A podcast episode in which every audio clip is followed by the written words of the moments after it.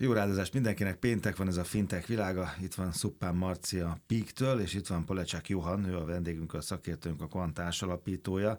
Lobdál most, tört föl később, kvantum kriptográfiai átállás. Nem tudom, ezekről mindről beszéltek-e, honnan kezdjünk, Marci? Hát mond, de csináltunk egy olyan adást, hogy mondunk ilyen szavakat, igen, igen, igen. külföldi, igen, külföldi én mondom, ti meg megmagyarázzátok. Szavakat, tehát én azt gondolom, hogy indulhatunk az elejéről.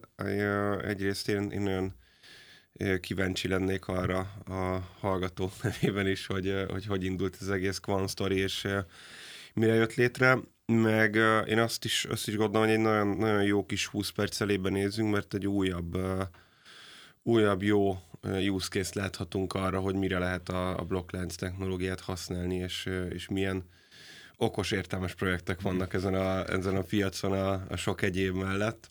Úgyhogy a, ezért ki is emeltük ezt a, ezt a, ezt a témát a, a blockchain percek tematikus műsorunkban, hogy legyen egy kicsit több idő erre. Aztán, aztán meglátjuk, hogy majd hogyan megy ennek a beszélgetésnek a fonala tovább. Hogy tervezitek, hogy az alapoktól kezdjünk rám való tekintettel, vagy, vagy már emelt szinten, Johan, honnan induljunk? Nem, szerintem ö, nyugodtan mehetünk hm. onnan, ahonnan, amit Marci javasolt, hogy ö, hogy is indult az egész Akkor dolog, rajta. és a nagyon mély szakmaiságban nem fog szándékosan belemenni. Köszönöm, majd látod, hogyha elvesztettél, látod majd a szememben, megtörik a fény. Aki András kisétál akar. Igen, hát ez az egész az onnan indult, hogy engem is meg kellett győzni. Tehát, hogy ez egy általános igazság ebben az egész témakörben, ha a blockchain részéről beszélünk, ha csak a titkosítás részét vizsgáljuk, tehát a posztkvantum megoldásokat, hogy nagyon kevés szakértő készült arra föl, hogy ez mekkora probléma is valójában és itt pont ennek a cikknek a kapcsán, hogy Lobdell most tört fel később, ugye minden olyan szakértő, és ezt a tábort erősítettem én is, tehát ez fontos mm. elmondani, hogy az egész így indult. Alapvetően legyint a problémára, hogy ugye ma még nem tartunk ott, nyilván a mai jelenleg használt kriptográfiai eljárások, mint digitális aláírás, titkosítás, tehát ő, ezekre vonatkozó és érvényben lévő szabványos dolgok, ezek a mai tudásunk szerint tudásunk szerint abszolút megfelelőek. Mert hogy évek óta ezt hallom, meg ebben a műsorban Marcitól is jönnek a szakértők, és, és persze, ez feltörhetetlen, ez majd biztos így lesz, ez, ez, ez semmi semmiképpen nem megosztható, nem másolható, nem hamisítható. És ha most jól értem, arról van szó, hogy, hogy okos szakértők azt mondják, hogy állj, figyelj, mert akár egy évtizeden belül olyan számítógépek önnek van, hogy bólogatsz, ennek nagyon örülök, tehát jól olvastam, olyan, olyan technológia jön, ami meghaladja a mostani tudásunkat. És ezt most már látjuk, hogy közeleg a jéghegy. Így van, abszolút jól látod, és jól informálódtál benne, és ugye ez egy nagyon nagy törés az emberben, mint szakember, hogy amikor megtanultuk azt, hogy akár egy kulcsmezőn végig számolni egyesével több energiába telne, mint amennyi a napban van, akkor ez biztos, hogy nem lehet majd soha feltörni. De hát nyilván jönnek olyan algoritmusok, az algoritmusok egyébként régóta léteznek, amik a támadásra alkalmasak, és most ott tartunk, hogy megérkezik ezek mellé a hardware is, ami ezeket képes kivitelezni. Ugye ma az egy dolog, hogy teóriában ezek közel 40 éve léteznek, hogy majd ha lesz ilyen gép, akkor talán lehet ilyet csinálni, de most kezdünk odaérni. És amikor ezt fölismerjük, akkor még mindig próbáljuk ugye saját komfortunkat keresni, de hát azért még mindig van pár év, ugye. De a amikor... menekülő út. Igen, igen, igen, igen. Csak hát eleve, amikor egy kriptográfus ilyet mond, hogy van még pár év, akkor ugye hmm. azt úgy kell tekinteni, hogy az az algoritmus eltört. Tehát, hogyha kriptográfiában nem arról beszélünk, hogy százezer vagy egy millió évben lehet mérni a feltörésnek az időintervallumát, akkor az már rég rossz, tehát hogy azokkal az algoritmusokkal már nem célszerű bármit is kezdeni. És ami a valós probléma, ez a lockdown most tört fel később, hogy jelenleg a, ami a az egész információs társadalmunk biztonságát adja ezek az algoritmusok, ugye ezek belettek bizonyítva, hogy feltörhetőek lesznek, és rendkívül egyszerű manapság, ez mindig is így volt, ez nem új keletű, a forgalmat rögzíteni. Tehát, hogyha mondjuk ez a rádióadás online is menni fog, gondolom én, akkor ezt nagyon egyszerű, hogyha valaki hallgatja, nyilván ez egy publikus adás, nem feltétlen jó példa, de tegyük fel, hogy ez egy zárt adás lenne, és valaki ezt otthon meghallgatja, és egy hacker nagyon ő, könnyű szerrel föl tudja venni ezt a forgalmat, ami itt a stúdió és mondjuk a privát hallgatógépe között ő, zajlik. Hmm. Ez alapvetően nem probléma, hiszen helyben vannak a mai titkosítási eljárások, a hacker nem tud velem ma mit kezdeni. Viszont amikor megjönnek ezek a számítógépek, akkor a jelenleg használt kulcscsere mechanizmusokat vissza tudja fejteni, és meg fogja tudni hallgatni. Tehát most bezsákol, Így és van. majd akkor adja el, meg akkor, akkor használja, amikor meg lesz hozzá a kulcs. Így Én van, abszolút. Tehát ugye és érezhető is az, hogy ez még nagyobb veszély, mint amit sejthetünk, hiszen ezt a jövőben már nem tudjuk kivédeni. Tehát konkrétan az átállás most kell elkezdeni, nem kell megvárni azt a pár évet, mire itt van a gép, mert akkor már rég késő lesz. Nagyon klassz, hogy te ilyen szerény vagy, mert már kétszer kérdeztük, hogy akkor Quant az micsoda, de akkor végig te ezekkel a szakértőkkel értesz egyet, és azt mondod, hogy most kell, és akkor erre kell szakosodni, hogy ebben segíts, Így akár, van. akár másoknak, ugye? Így van. Tehát, hogy amíg, és akkor, hogyha jobban belemegyünk egy kicsit, akkor ezeket a rendszereket, tehát most, hogyha hoztuk a rádiót például, de ez lehetne egy bank is, ezek ugye ezek mind centralizált intézmények, tehát a, dönthetünk úgy, hogy holnaptól egy másik titkosítási eljárást, digitális aláírási eljárást bevezetünk, ami ezeknek a kihívásoknak ugye meg tud felelni. Viszont a blockchain része, nem tudom, hogy blockchainről mennyi infor, információ van meg, ugye ezek ten, teljesen decentralizáltan szervezett ö, rendszerek. Hát ez a nagy, egyik nagy vonzereje, ugye? Igen, hát igen, így van, így van, így van, és ugye itt fordul egy kicsit meg a dolog, hogy oké, okay, és mi történik, hogyha baj van. Tehát ugye itt nem tudunk egy gombot megnyomni és átpattintani, és holnaptól ő mindenki biztos aláírásokkal dolgozik, hiszen ugye nincs centrális döntéshozatal, tehát ki fogja mondani azt, hogy mikor, hogy fog mindenki átállni, ha nem áll mindenki át, akkor úgynevezett fork következik be, tehát ketté ágazik a rendszer, nem lesz konszenzus, tehát rendkívül nehéz ilyen disztribútált rendszereket lecserélni, és ez csak a probléma egyik része. Tehát, hogyha ez a másik dolog, amit nagyon sok fél szakértőtől hallani, hogy majd, ha ez valóban probléma lesz, akkor majd akkor megoldjuk.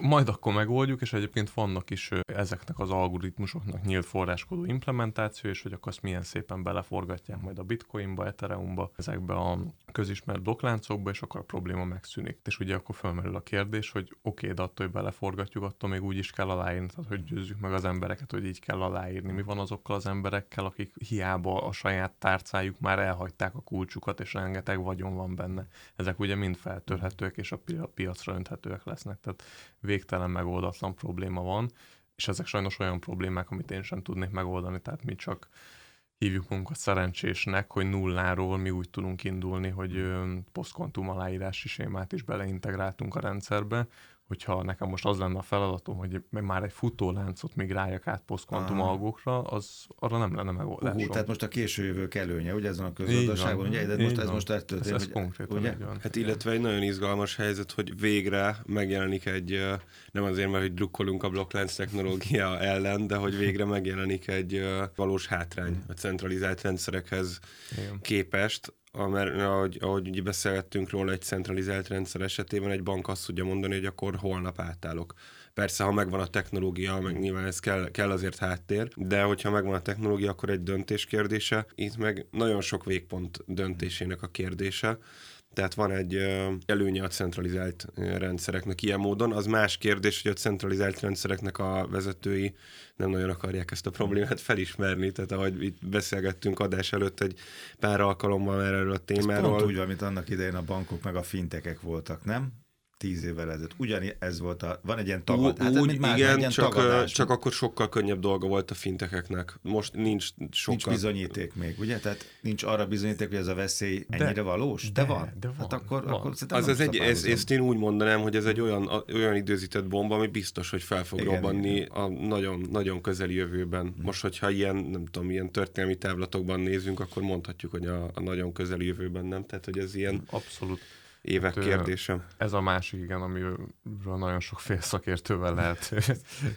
Vannak a félvezetők, meg a félszakértők, ez jó, igen. Igen, igen hogy akkor az, arról beszélgettünk, hogy ez a gép ez jövőre jön, két év múlva, öt vagy tíz év múlva, de van pár dolog, amit nagyon fontos látni, és úgymond a sorok között olvasni. Tehát, hogyha nekem lenne, most nyilván nem magánszemélyként, hanem beszéljünk egy állam nevében bármilyen meghatározó entitás nevében, hogy egy dolgot nem csinálnék, nem dicsekednék vele, hogy nekem ez kész van, és bent van a fiókban, és a mai standardeknek a nagy részét törni tudunk, ugye? Tehát, hogy ez sose kerülne felszínre.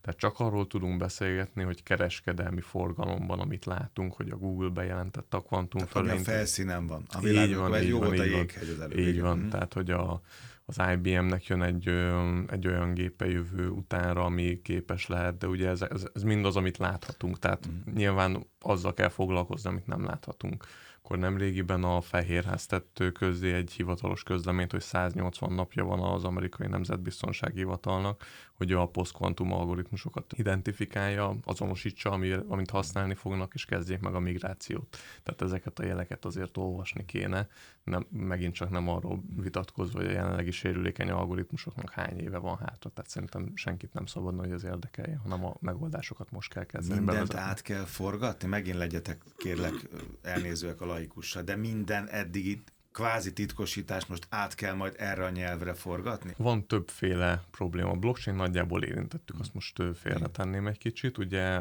van a titkosítás, amit mondtam, hogy ez mondjuk egy privát adás lenne, hogy lehet fölvenni, később kibontani. Ott egész egyszerűen átállunk, hogy holnaptól a kimenő adatokat ilyen módon titkosítjuk, az a holnaptól kimenő adatokat ugye megvédi. De van még egy nagyon érdekes sebezhetőség, ami kicsit átfedésben van a blockchainnek a sérülékenységi modelljével, azok pedig a digitálisan aláírt dokumentumok. Tehát, hogyha teszem, az van egy tavaly egy hatóság által kiadott és digitálisan hitelesen aláírt bármilyen szerződés. jegyzőkönyv, szerződés, hmm. tehát hogy bármilyen fontos okirat, okirat, akkor azt, amikor kijönnek ezek a gépek, akkor én azt azzal a kulcsal képes leszek aláírni, és igazából bármilyen támadó, akinek ilyen hmm. kvantum számítógéphez hozzáférése van.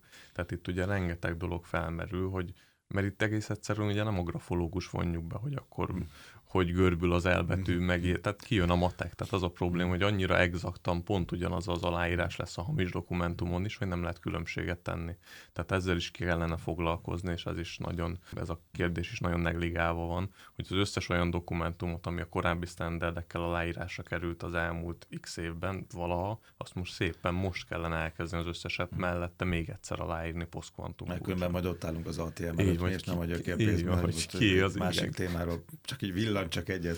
Na most akkor nézzük meg, Marci, ez hogy te ott vagy a pikkel, ez az egész dolog most téged érinte, hogy érint, te hogyan gondolkozol? Fiatal vagy, okos vagy, lendületes vagy, érintett vagy e tekintetben, akkor most ez a cunami, ez téged Hát így, így gondolkodok, ahogy mondtad, a, az utolsó csak végigvertem, hogy, hogy még valami kedvességet még fokozol, de nem. Az hogy, az, hogy érintettek vagyunk ebben az egyértelmű. És így kezdtük el ezt, ezt a témát boncolgatni, és így kezdtük el ezt vizsgálni. Nyilván a, a pénzügyi közvetítő rendszernek, amit, amit itt egy pár perccel ezelőtt elmondtam, hogy ez egy előnye a decentralizált rendszerekhez képest, azért mégiscsak nagyon nehéz dolga van, mert mondhatjuk, hogy centralizált rendszerekről van szó. Technológiailag igen, de hogyha megnézzünk aztán egy, egy beszállítói láncot, hogy mondjuk egy banknak, vagy akár nálunk, nem néha sokkal rövidebb a beszállítói lánc, de hogyha megnézzünk egy, egy banki beszállítói láncot, simán száz fölötti beszállító, IT beszállítóról van szó, és most ezek nem a katás alvállalkozók, hanem a,